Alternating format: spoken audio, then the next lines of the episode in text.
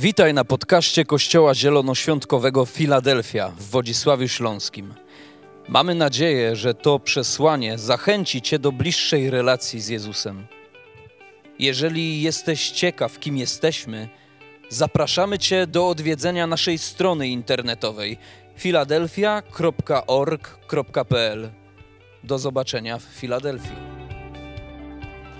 Moi drodzy, usiądźmy. Świadomie zaczynamy wydłużać ten czas uwielbienia, ponieważ wiecie, kiedy, kiedy Kościół zaczyna płonąć, to przestaje liczyć minuty. Prawda? Nie chcemy zredukować niedzielnego spotkania do pewnego takiego take away, czyli, czyli takiego zamów, wejdź i wyjdź, albo e, takiego McDrive'a. Podjeżdżasz, płacisz, zabierasz krótkie kazanie, bach, zaliczone, zjedzone. Głęboko czuję, nawet wczoraj wieczorem poprosiłem, mówię, Karo, zróbmy dłużej i myślę, że to, to, to wchodzimy w taką codzienność, że będzie więcej uwielbienia, kazanie, a po kazaniu jeszcze będziemy trochę uwielbiać Boga. Dlaczego? Dlatego, bo wierzymy, że Bóg do tego nas prowadzi. Ale też chciałbym zaapelować, abyście nigdy nie godzili się na kiepskie, na kiepskie uwielbianie w nas samych. Wiecie, niedawno, niedawno, już nie pamiętam, dwa tygodnie temu chyba, jak, jak coś przekręcę, to mnie poprawcie, odeszła e, Benny Johnson. Benny Johnson to jest żona Billa Johnsona. E, wiecie, ludzie, którzy widzą te uzdrowienia, łącznie ze stworzeniem gałki ocznej e, u jednej z kobiet, a jednak Benny nie została uzdrowiona i odeszła. Po jej odejściu, co przerywa? Coś przerywa, nie? Trzy dni po jej odejściu Bill wygłosił, Bill Johnson, pastor Bill Johnson wygłosił niesamowite kazanie. I wiecie, on powiedział jedną rzecz, że to mnie tak najbardziej dotknęło, że e, te krytyczne momenty naszego życia są jedyną, jedyną niepowtarzalną okazją do niesamowitego, nieprzeciętnego oddania Bogu chwały, co wyzwala niezwykłą Jego obecność. Nie ma niczego szczególnego, kiedy oddajemy Bogu chwałę, bo właśnie rano dowiedzieliśmy się coś fajnego i chcemy Mu podziękować. Albo mieliśmy świetny tydzień. I dzisiaj też trochę o tym powiem. Największa chwała z Twojego życia jest wtedy, kiedy nic Cię w sposób naturalny do niej nie zachęca ani motywuje, za wyjątkiem posłuszeństwa. I świadomości tego, że nie uwielbiając Boga, że nie uwielbiając Boga, pozbawiasz Go chwały. A więc musimy rozumieć, że kiedy przychodzimy na to miejsce i na przykład mamy gorsze samopoczucie, albo wydarzyło się coś naprawdę złego, to z jednej strony płacz z płaczącymi, ale z drugiej strony uwielbiaj Go. Miej w sobie to, tą taką zawziętość w dobrym tego słowa znaczeniu. Nie pozwól, aby cokolwiek okradło Boga z chwały, bo właśnie wtedy jest szczególne z Nim spotkanie. I wiecie, mm, myślę, że nie jest dobrym, kiedy takie słabe rzeczy typu gorsze samopoczucie, typu jest ciepło na dworze, typu miałem gorszy poranek, sprawiają, że stajemy się bierni w uwielbieniu. Jesteście ze mną? Ponieważ Biblia mówi o tym, że uwielbienie to jest tylko i wyłącznie kwestia wiary i dojrzałości. A więc zachęcam nas, Kościele. Z jednej strony chcemy więcej tego czasu uwielbienia, ale z drugiej strony y, nie chcemy być nigdy w pozycji, w której ciągle musimy apelować do Kościoła, aby był zaangażowany.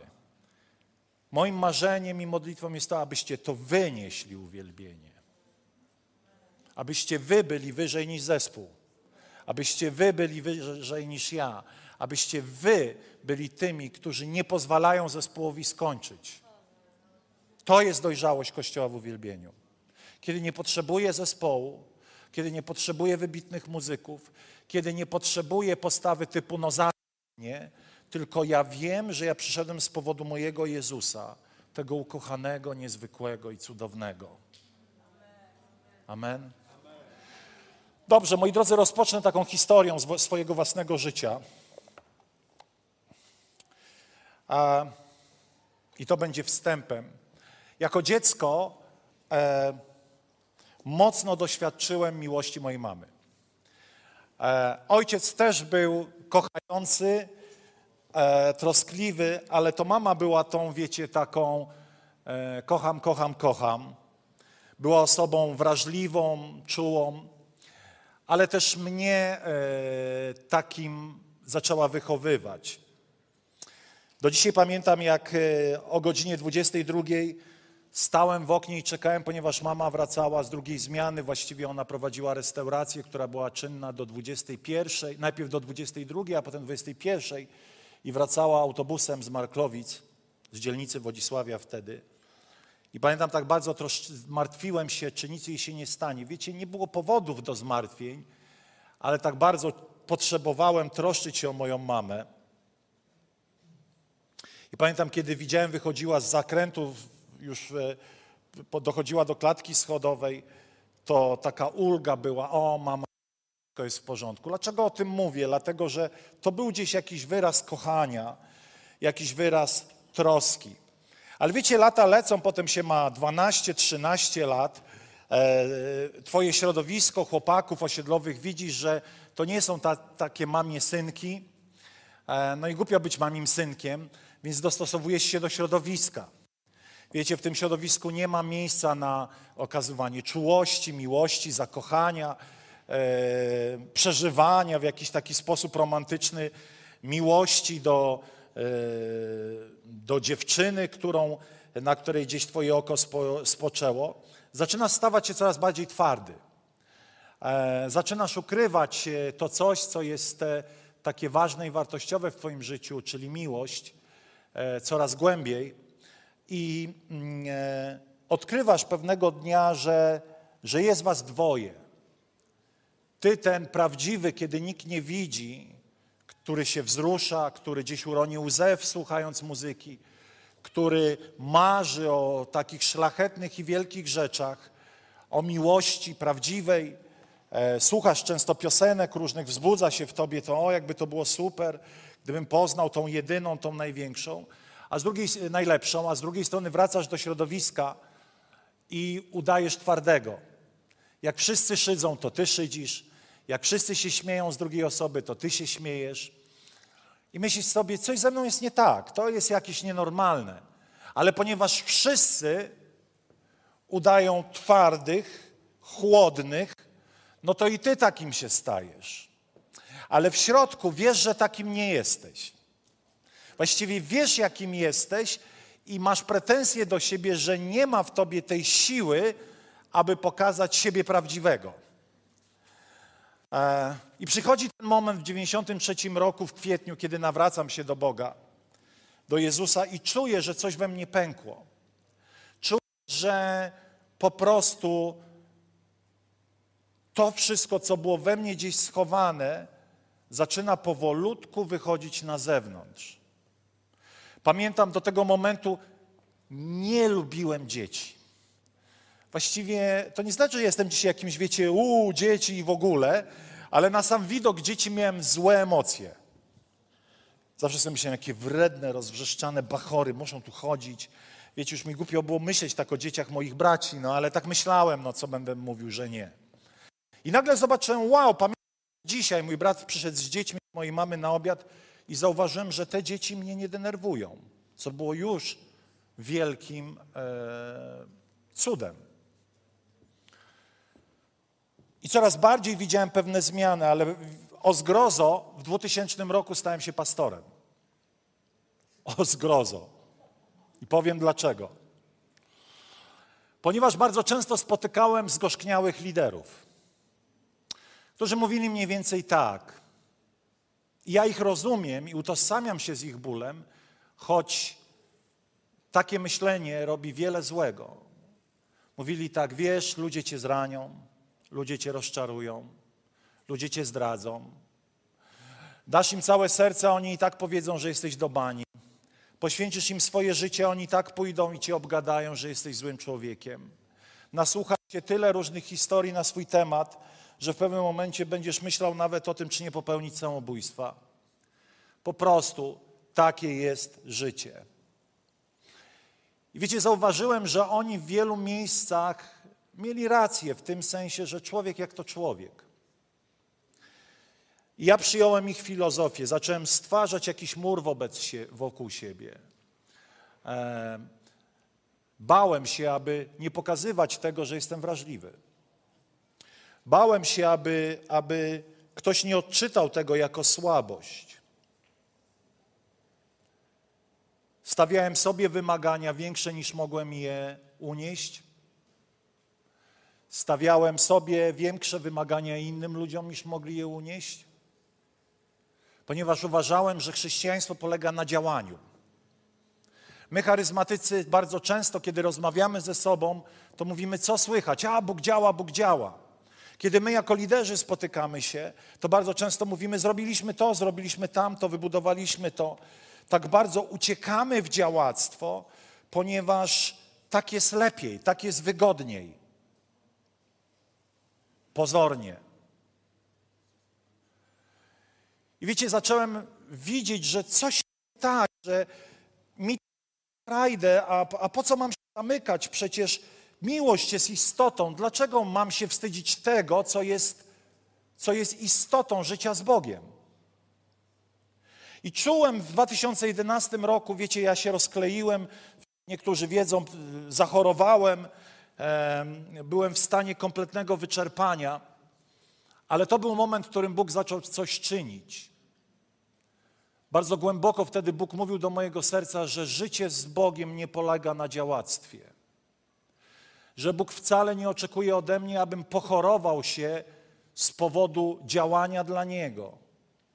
Że to wcale nie, nie świadczy o, o, o moim życiu, to działactwo kościelne, że Bóg wcale nie oczekuje, abym zdobywał punkty akceptacji poprzez zrobienie tego, tego i tamtego. I tak zaczął kruszyć to moje serce, ten mur. W 2018 roku pojechaliśmy do Bethel w Kalifornii.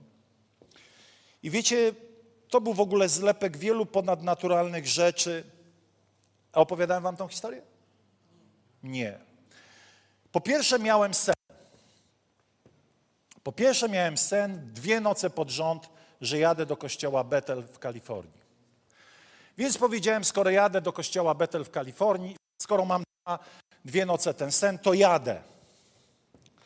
Zacząłem rozglądać się, jak pojechać, co zrobić i tak dalej. E, super. Wszystko sobie obmyśliłem. Mówię w domu, słuchajcie, jadę do Betel. Moja Karo mówi, no ale ja też chcę jechać. Jak sobie bilet kupisz, to pojedziemy. Karo mówi, dobra. Angelika mówi, no ale to chyba matki nie zostawicie. A Kuba mówi, ja sam nie zostaję w domu. Więc z jednego zrobiło się czworo. To jest o tyle ważne, bo to rzutowało na budżet, który z 5 tysięcy zrobił się 24. Ale wiecie, jeżeli Bóg coś mówi, e, ja naprawdę do dzisiaj nie wiem do końca, jak myśmy to sfinalizowali, ale wiem jedno. Aha, no i wiecie, szukamy noclegów. Napisaliśmy różne miejsca, może gdzieś jakieś kwatery i tak dalej, tu, tu, tu.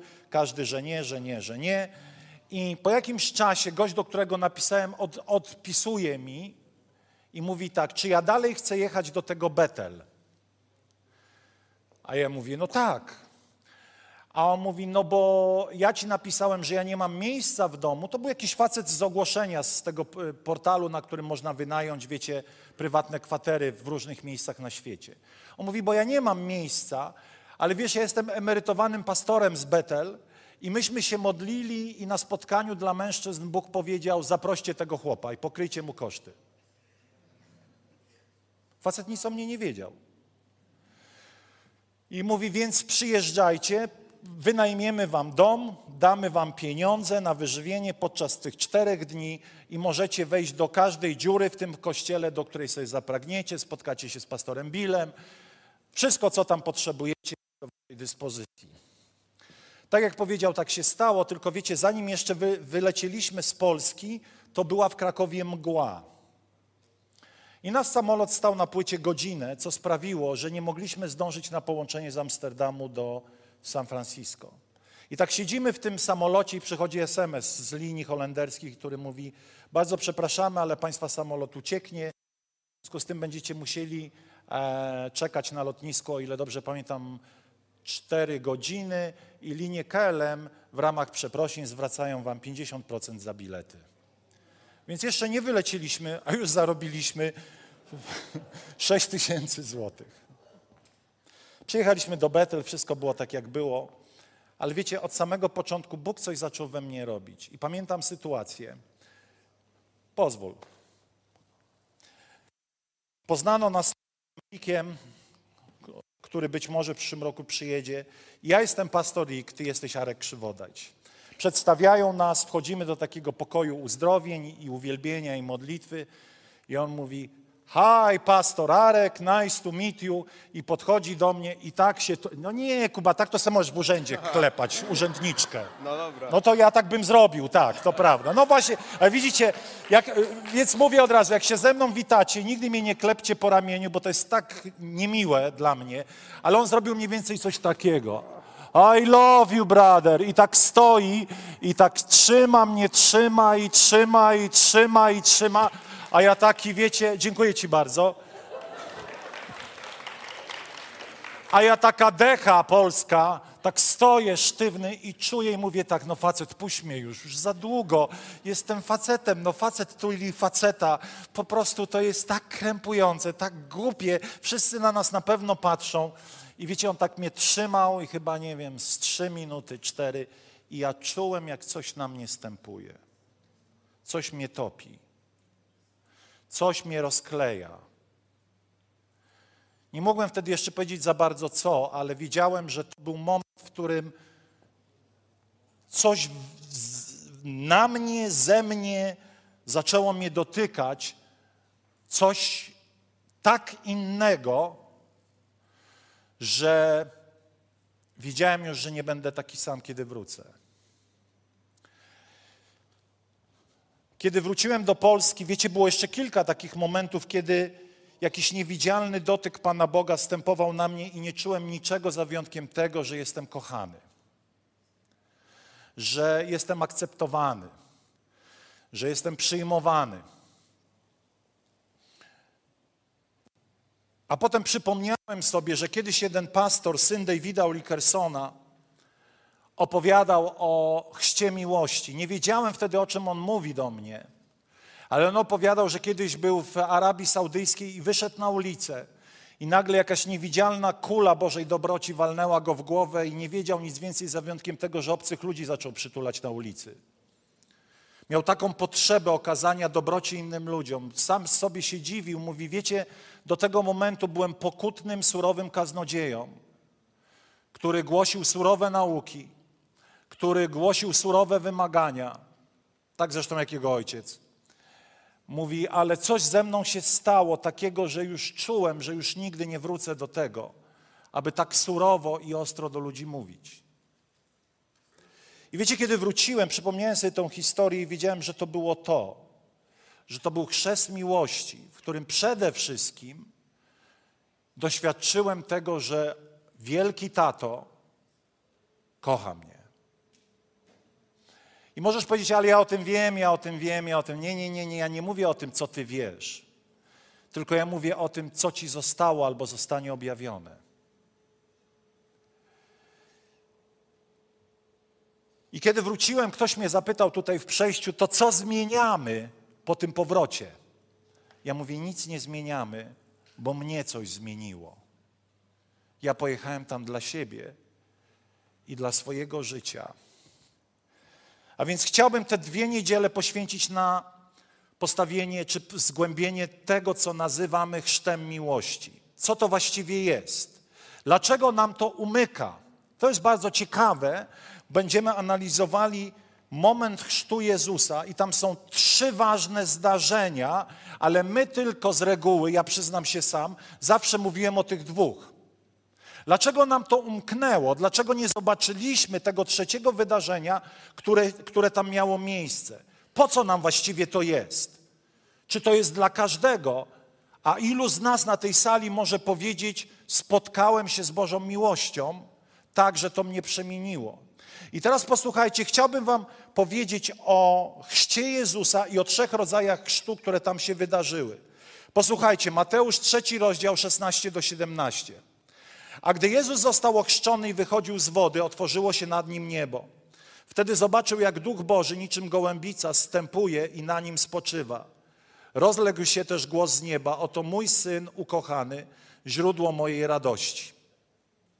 Jeszcze raz przeczytam, zobaczcie. A gdy został ochrzczony i wychodził z wody, pierwszy chrzest, chrzest w wodzie. Oto słowo chrzest wiemy albo nie wiemy wszyscy, znaczy baptizo po grecku, co znaczy zanurzyć aż po same krańce, zanurzyć w całości. A więc został ochrzczony w wodzie i wychodził z wody. Otworzyło się nad nim niebo i wtedy zobaczył, jak Duch Boży niczym gołębica stępuje i na nim spoczywa. To jest drugi chrzest, chrzest Duchem Świętym. Ale jest jeszcze trzecie wydarzenie, którego prawie nigdy nie mówimy. Jakby pomijamy to, co tam się dalej wydaje, dzieje. I rozległ się też głos z nieba, oto mój syn ukochany, źródło mojej radości. Trzy rzeczy. Po pierwsze chrzest w wodzie. Po drugie chrzest Duchem Świętym i po trzecie objawienie miłości taty do syna. Łapiecie to? Nie można tych trzech rzeczy rozdzielić, pominąć. Po pierwsze, chrzest wodą to jest zanurzenie w odkupieniu krzyża. I każda z tych rzeczy musi być traktowana łącznie. Wiecie, nie mamy problemu z tym, że wiemy, że trzeba nawrócić się do Boga, że nie można chrześcijaninem się urodzić, że nie można być osobą, która, nie wiem, zapisze się do jakiejś wiary. Trzeba się naro narodzić na nowo, czyli nawrócić się, odwrócić się od tego świata, a nawrócić się do Jezusa Chrystusa. Nie można, nie można zapisać się do jakiegoś wyznania. Znaczy można, ale to nie czyni cię chrześcijaninem. Każdy z nas musi narodzić się na nowo przez to, że uwierzy, że na krzyżu Jezus zmarł za wszystkie nasze grzechy, że jest Bogiem i powierzamy Mu swoje życie i wtedy Duch Święty zaczyna mieszkać w Tobie. To jest ważne, w Tobie. I wtedy na znak naszego nawrócenia Biblia mówi, że należy ochrzcić się w wieku świadomym, czyli przyjąć tą manifestację tego, co się wydarzyło, czyli zostaje zanurzony i wynurzony, czyli mój stary, stary ja umieram i rodzi się nowy Arek poprzez wynurzenie z wody i zostaje obmyty tą wodą, że jest czysty, doskonały przed Bogiem.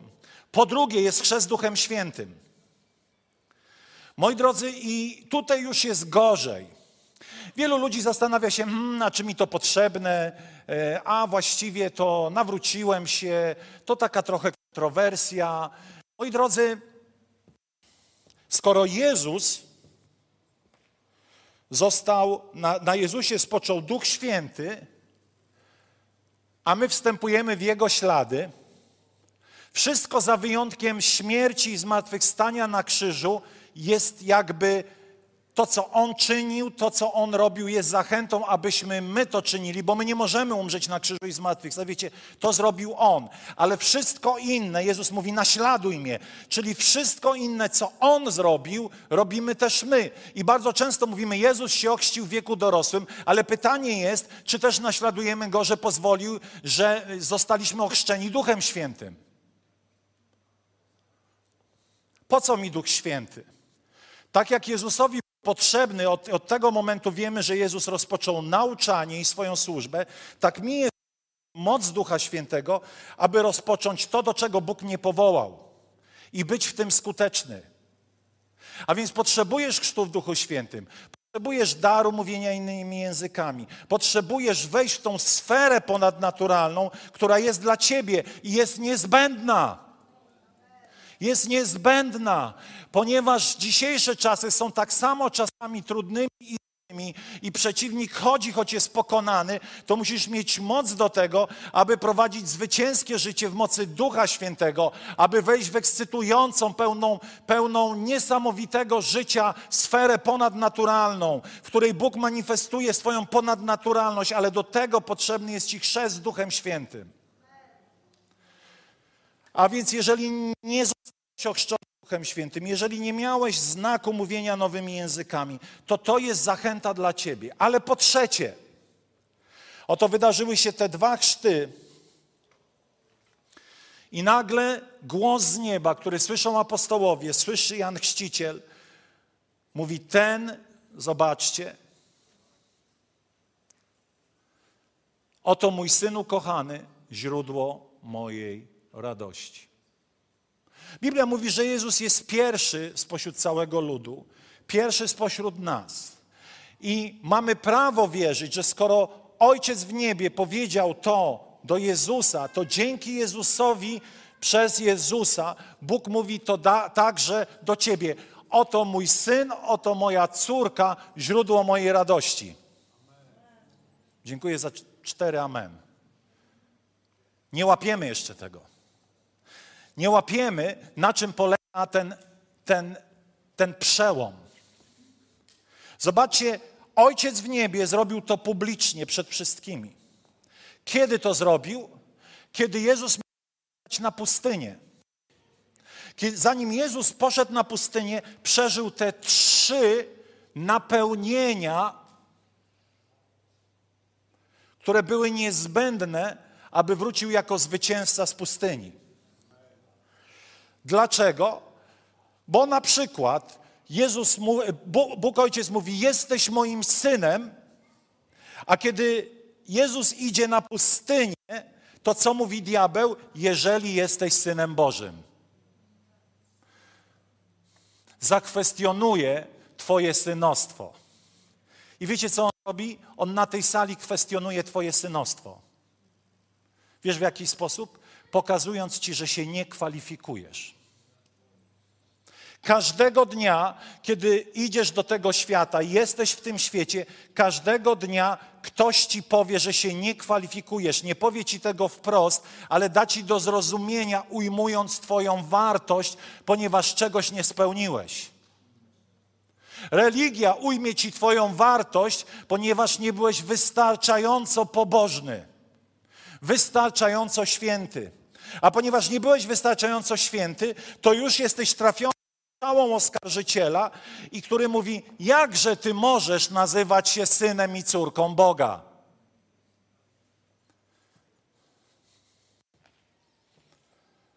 Jakże tobie nawróconemu mogły przydarzyć się takie rzeczy? A więc zaczynamy szukać rzeczy, które mają dodać nam wartości. A więc każdego dnia ludzie nam umniejszają naszej wartości i tym samym poszukujemy ludzi, którzy będą dodawali nam wartości. Dlatego potrafimy się uzależnić od pochwał innych ludzi. Dlatego potrafimy poszukiwać toksycznie, notorycznie pochwał innych ludzi w kościele. Ponieważ wierzymy, że jak nas pochwalą, to oni, oni, oni, to dla nich jesteśmy tacy wyjątkowi, ale pochwalą nas za coś, tak? Chwalimy siebie za coś. Czy to jest złe? Nie. Natomiast jeśli to, jeśli to ma dodać ci Twojej wartości, bo ktoś ci ujął Twojej wartości, będziesz rozczarowany. Każdego dnia szukamy rzeczy, które mają do, dodać naszej wartości. Są tak zwane produkty prestiżowe. Czyli ktoś ustalił, że posiadając to, posiadasz prestiż. Ale kto to ustalił? Jakiś facet w dziale marketingu uznał, że jak kupisz Bentleya, to kupiłeś prestiżowy samochód. Ale chwila, czy to świadczy o mojej wartości, jakim jeżdżę samochodem? Czy to świadczy o mojej wartości, jaki przedmiot prestiżowy mam w domu? Nie jest niczym złym posiadać różne dobra, ale one muszą znaleźć swoje miejsce w drabinie wartości. One muszą być pod Twoją stopą, a nie Ty pod ich stopą.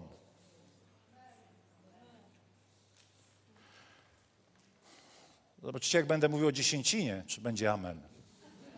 Sprawdzimy. Więc każdego dnia szukamy ludzi, przedmiotów, które mają podnieść naszą wartość, ponieważ inni ludzie ujmowali nam tej wartości i ciągle wiele razy się nabieramy. Dlatego, kiedy mówimy o miłości wielkiego taty w niebie, bardzo trudno jest nam za, zaakceptować fakt, że ojciec w niebie mówi: To jest mój syn umiłowany, w którym mam upodobanie. Dlaczego? Bo ludzie nam powiedzieli, że coś z tobą jest nie tak. Więc jeżeli ludzie mi powiedzieli, że coś ze mną jest nie tak, to niemożliwe, żeby Bóg powiedział, że ze mną wszystko jest tak.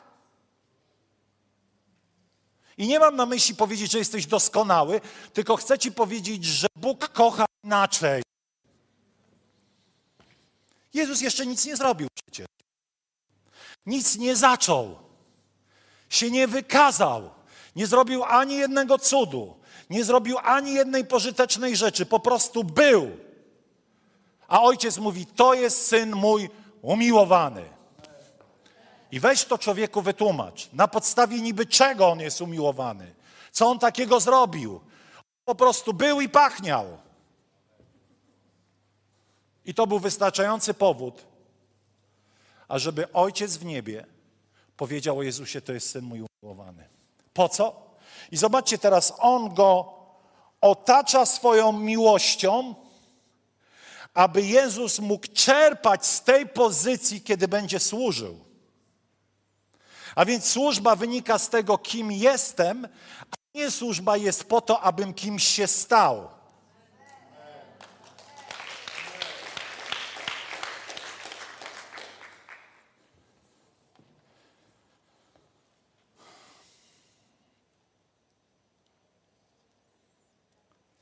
Kościół jest pełen dzieci, które nigdy nie usłyszały do, od ojca, wielkiego taty, kocham cię. Dlaczego?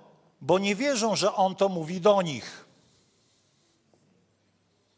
On to mówi. On to ciągle mówi od momentu Twoich narodzin duchowych. On to ciągle mówi, ten jest syn mój umiłowany. Pamiętacie, w Chrystusie mamy dostęp do wszystkiego, a więc także mamy dostęp do miłości taty. I tato mówi, ten jest syn mój umiłowany, ten, ten, ten i tamten, i jeszcze tamten. Ale wiecie, to jest trochę tak, jak ktoś cię woła w tłumie. Jasiu, dobrze cię widzieć. A ty nawet nie wiesz, że to do ciebie, bo ty nawet nie pomyślałbyś, że ktoś się cieszy, że cię widzi. Mieliście tak czasami, że ktoś mówi, ej, a ty, to do mnie, do mnie, do mnie. Tak, do ciebie. I wiecie, i dokładnie z nami bardzo często tak jest. Stoimy w tłumie i myślimy, naprawdę Jezus woła, Bóg, tato w niebie woła mnie po imieniu. On tak, on, on tego woła po imieniu, tego woła po imieniu, tego. Dlaczego? Bo my oceniamy, kogo On woła na podstawie tego, co robimy.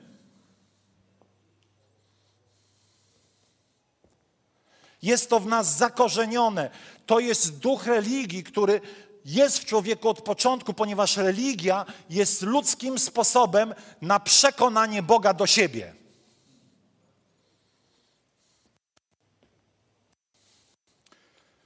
A więc nawet teraz na tej sali ludzie zamykają serca, bo myślą: dobra, dobra, fajnie, fajnie, ale trudno to sobie wyobrazić. A więc Bóg mówi do ciebie: Jesteś mój syn umiłowany, który jest miły dla mojej duszy.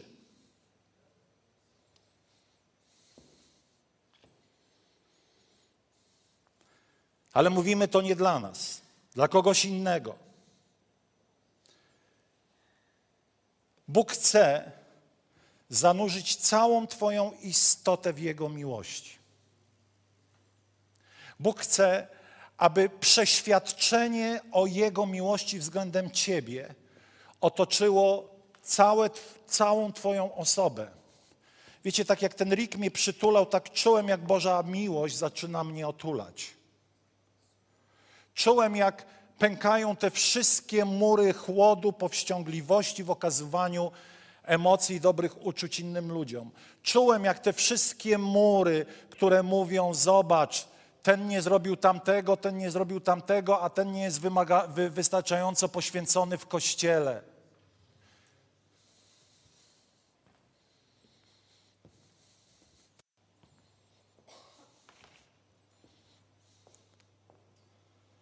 Kiedy zaczynasz być dotknięty miłością Ojca i zaczynasz czuć się kochany, dopiero wtedy będziesz potrafił wejść na ścieżkę kochania innych ludzi tak po prostu. Nie będą cię ludzie rozczarowywali tym, że nie spełniają Twoich oczekiwań, bo Ty nie masz oczekiwań. Bo ojciec nie miał oczekiwań. Jedynym oczekiwaniem było to, że chciał po prostu kochać swojego syna. Jeszcze raz powiem, Jezus nic nie zrobił, co mogło wzbudzić by w nim, e, wzbudzić w Ojcu jakiś zachwyt z powodu czynów. A więc co z tą miłością? To nigdy nie jest kwestia tego, że czuję się, że mogę być kochany. Wręcz odwrotnie, przyjęcie Bożej chrztu miłości zaczyna się od tego, że właśnie czuję się,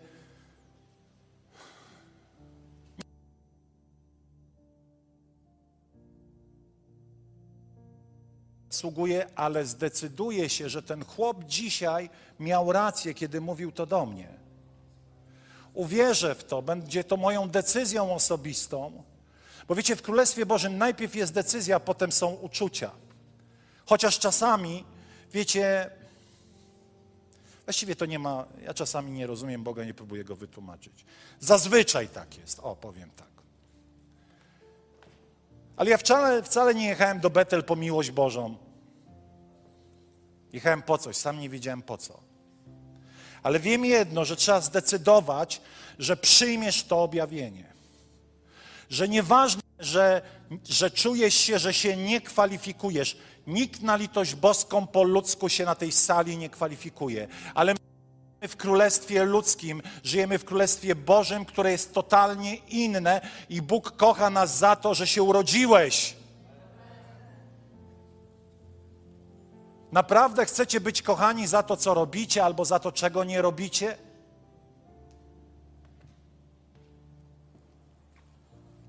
Kończąc.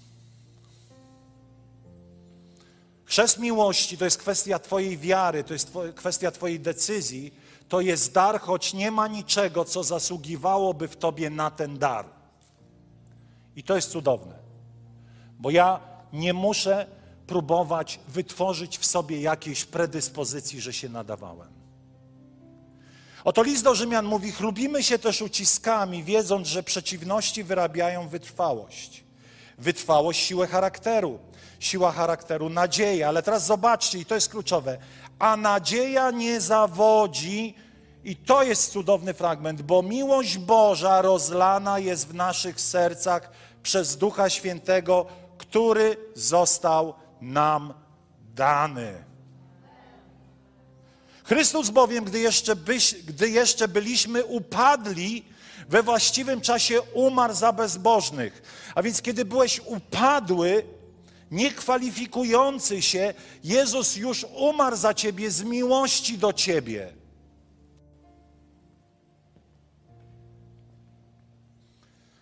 Rzadko ktoś umiera za sprawiedliwego, za Rzadko ktoś umiera za sprawiedliwego, może za dobrego gotów byłby ktoś umrzeć. Bóg natomiast daje dowód swojej miłości do nas przez to, że gdy jeszcze byliśmy grzesznikami, Chrystus za nas umarł. Kiedy umarł za ciebie? Kiedy byłeś grzesznikiem. Czy to jest wystarczający fragment, aby zrozumieć, że jesteś kochany za nic? Czy to jest wystarczający fragment, aby przyjąć pełnię Bożej miłości do swojego życia? Przyjąć przez wiarę to, że jesteś ukochany, że Bóg jest Tobie zakochany, szalejący na Twoim punkcie. Co tam jest napisane? Miłość Boża rozlana w sercach naszych. Ona nie jest dozowana. Ona nie jest jak dozownik na preparat na COVID-19 albo dozownik z mydłem na stacji benzynowej. Macie czasami taki moment rozczarowania, idziecie na stację benzynową, jedziecie, ja często jeżdżę po Polsce i tak idę pod ten dozownik, tak, a tu taka kropeczka, mówię, serio? Ja mam, ja mam w tym ręce umyć?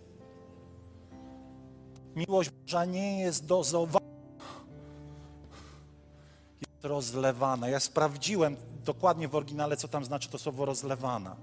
Ona jest jak wylane wino z dzbana, jak wylana ciecz z dzbana. Jest szeroko, jest marnotrawiona wręcz. Czy wiecie, że Bóg jest marnotrawny? Bóg jest marnotrawny w swojej miłości. Skąd to wiemy? A bardzo proste. Ponieważ deszcz pada na pobożnych i niepobożnych. I co pobożny patrzy na ten deszcz, mówi: O, fajno, fajno. O, kolego, chcielibyśmy Ci opowiedzieć o Jezusie. Ja mam to gdzieś. Mam dobre zbiory w tym roku. I co? Boża łaska została wylana. Zmarnotrawiona, ktoś by pomyślał. Bóg jest marnotrawny w swojej miłości. Rozlewa ją chętnie w Twoim życiu i w moim. I teraz ta miłość jest w Tobie tutaj, rozlana przez Ducha Świętego w dniu Twojego nawrócenia. Ale teraz jeszcze musisz być ją przykryty, ponieważ to, co w Tobie jest dla Ciebie, a to, co na Tobie jest także dla innych. A więc najpierw przyjmujesz objawienie, że jesteś ukochanym dzieckiem Pana Boga. Najbardziej ukochanym, pomimo że nas tu jest ze 170, 180, jesteś najbardziej ukochanym dzieckiem Boga. Halo?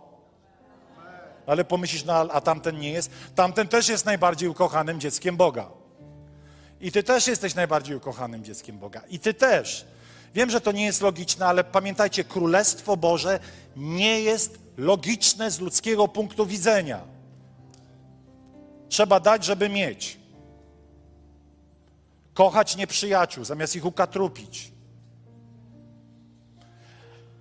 A więc w Tobie jest dla Ciebie Boża obecność, ale Bóg chce też, żeby spoczęła na Tobie, abyś mógł ją dać dalej. A więc przyjmujesz objawienie o tym, kim jesteś, i to zaczyna Cię zmieniać po to, abyś Ty zmieniony mógł zmieniać innych swoim podejściem do drugiego człowieka. Nie patrz na to, że nie jesteś taki jak ktoś inny. Patrz, jaką Ty drogę przeszedłeś. Dzisiaj jechaliśmy na nabożeństwo. Jakoś w domu już jakaś lekka siekierka była, ale to rzadkość, naprawdę mówię szczerze. Zapytajcie Angeliki. Wiemy.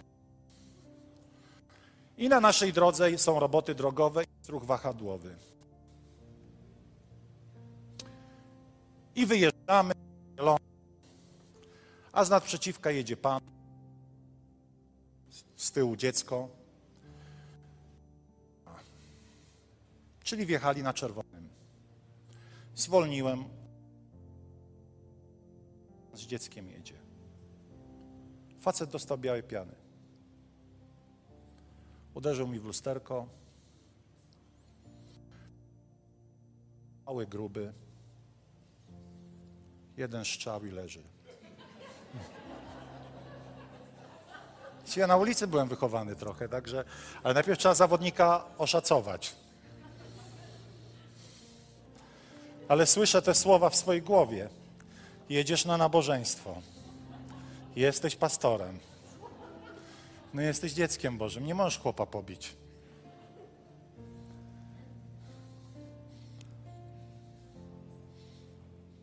I to go uratowało. I mówię, Angela, ja mam dzisiaj o miłości Bożej. Mówicie, ja facetowi chciałem nos do ucha wsadzić. Ale nie wsadziłem. I to jest mój sukces. Ale nie dlatego, że powiedziałem, mnie nie wolno powodu jego agresji mi nie wolno. Uderzył mi w samochód z nerwów. Mógłbym wskoczyć, nie wiem, nie pytam naszych tutaj stróżów prawa, czy mógłbym, czy nie. Znaczy, ja bym go sprowokował, to mógł. Ale nie chciałem, wiecie dlaczego? Bo moja tożsamość zadziałała. Nie dlatego, że chrześcijanie nie biją innych ludzi. Czasami muszą się bronić, ale dlatego, że moja tożsamość syna zadziałała, dlatego nie dostał w ucho. Bo tak to działa. Kiedy czujesz się kochany, czujesz się bezpieczny, to sobie myślisz, niech on tam ten chłop sobie myśli, co chce. Jadę dalej. Nie musisz szukać akceptacji i poczucia wartości w swoich zwycięstwach wobec innych ludzi. Ale mu nagadał, ale mu przylutował, ale mu to, ale mu tamto. Nie, ty zwyciężasz w inny sposób, ponieważ czujesz się kochany i nie musisz udowadniać swojej wyższości nad drugim człowiekiem. Dlatego w kościołach jest tak wielu ludzi niedojrzałych, bo ludzie mają ciągle potrzebę udowadniania swojej wielkości względem drugiego brata czy siostry. Ale kiedy czujesz się kochany, nie musisz. Ustępujesz. Okej, okay, dobra. Nie ma sprawy. Powstańmy. O, dziękujemy Ci, Panie nasz kochany. Jakbyście się zastanawiali, czy mogę być, jeszcze raz powiem, nie pobiłem tego chłopa. Mały, gruby. Rączki takie. No, przepraszam Was, ale naprawdę to było i straszne, i komiczne. A najbardziej pyskata była żona. Jego. Przecież nie moja Angelika. To anioł. Moi drodzy, pomyślmy. Nie robię jeszcze dzisiaj wezwania o przyjęcie Bożej miłości, ale chciałbym już, żeby w Twoim sercu zrobiła się taka wyrwa w tym murze suchoty, w tym murze obronnym, który zbudowałeś, bo ludzie, bo ludzie mnie ranią, bo ludzie to, bo nie spełniam oczekiwań. Wiecie, jednym, jedną z rzeczy, która sprawia, że jesteśmy, jednym z efektów tego, że nie czujemy się pewni, że Bóg nas kocha, jest na przykład niepewność. Ponieważ boimy się reakcji innych ludzi. Boimy się, co będzie, kiedy my nie zrobimy czegoś tak, jak oni oczekują. Wiecie, i, i może za tydzień o tym powiem, to nie o to chodzi, żebyś był teraz arogancki, bo to nie jest Boże i mówił, a co mnie ludzie obchodzą. Właśnie tak mówią ludzie aroganccy, którzy mówią, co mnie ludzie obchodzą, mój tato mnie kocha. Nie, nie, nie zrozumiałeś tego człowieku, że kiedy poczujesz się kochany, to tylko jedyną reakcją względem innych ludzi będzie miłość do tych ludzi, a nie arogancja, co mnie ty obchodzisz. Będziesz mówił, szanuję, kocham cię, ale czuję się kochany i najważniejsze jest to, co on myśli. Ojcze, modlimy się, aby to światło zaczęło świecić w sercach wielu z nas. Panie, modlimy się teraz, aby Twoja dobroć, aby Twoje, Ojcze, objawienie, że jestem ukochany i wybrany, dotknęło wielu na tej sali. To jest mój syn umiłowany. Panie, aby to dotknęło teraz życia wielu ludzi. To jest syn mój umiłowany, to jest córka moja umiłowana, w którym mam upodobanie. Panie, kiedy przyjdą rozczarowujące momenty, kiedy przyjdą momenty krytyczne, aby każdy z nas umiał podnieść się właśnie w tym objawieniu, że jesteśmy ukochanymi synami i córkami, w których Bóg ma upodobanie, ponieważ jesteśmy Jego rodu, a nie tego, co czynimy. Panie, modlimy się Niech świadomość Twojej miłości prowadzi nas do pięknego życia, uświęconego dzięki Twojej miłości. W imieniu Jezusa, Pana naszego. Amen. Amen.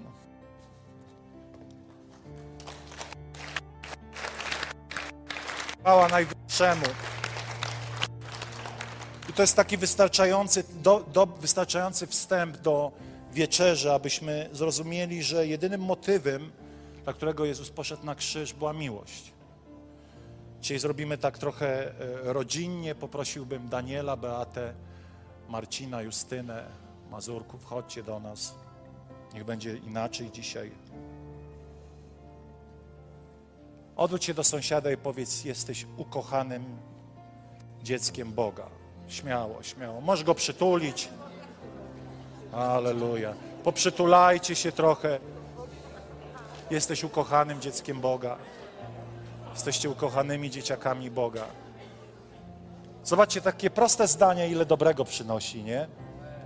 Ile leczy naszych skołatanych dusz.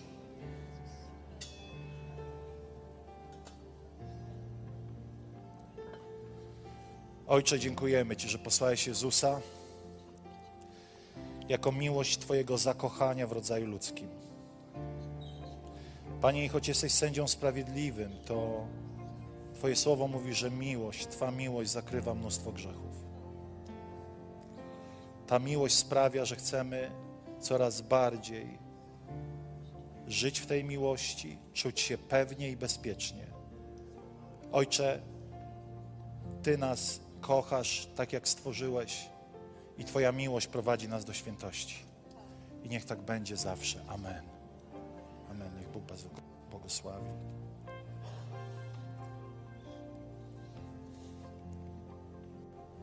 Potem po wieczerzy Jezus wziął kielich z winem i powiedział: To jest kielich nowego przymierza, które zostało wylane za wielu. Ta krew obmywa nas z wszelkiego grzechu i możemy stanąć przed naszym Ojcem przez Jezusa. Amen.